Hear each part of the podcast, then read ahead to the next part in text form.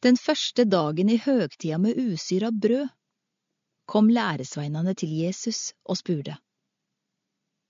Hvar vil du vi skal stella til påskemåltidet for deg?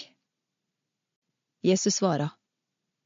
Gå inn i byen, til den mannen det veit, og sei til han, Meisteren seier, tida mi er nær, hos deg vil eg halda påskemåltid med læresveinene mine. Læresveinane gjorde som Jesus hadde sagt, og gjorde i stand påskemåltidet. Da det vart kveld, gikk han til bords med dei tolv. Medan dei åt, sa han, Sannelig, eg sier dykk, ein av dykk kjem til å svika meg. Da vart dei svært sorgfulle, og ein etter ein spurde dei han, Det er vel ikkje eg, Herre? Jesus svara, Den som har dyppa handa i fatet saman med meg, han kjem til å svika meg.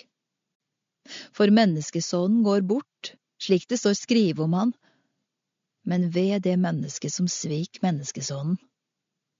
Det hadde vært betre for det mennesket om det aldri var fødd. Da spurte Judas, han som sveik han. Det er vel ikke eg, rabbi? Du har sagt det, svarer Jesus. Nattverden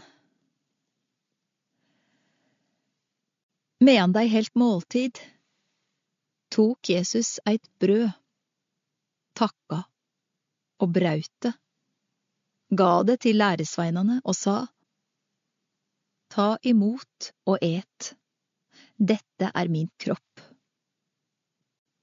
Og han tok et beger, takka, ga deg og sa, Drikk alle av det, dette er mitt blod paktblodet, som blir utrent for mange, så syndene blir tilgjevne.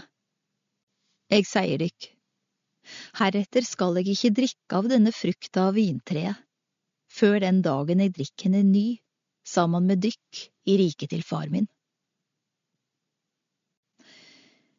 Jesus sier at Peter kjem til å fornekte han. Da de hadde sunget lovsangen, gikk de ut til Oljeberget.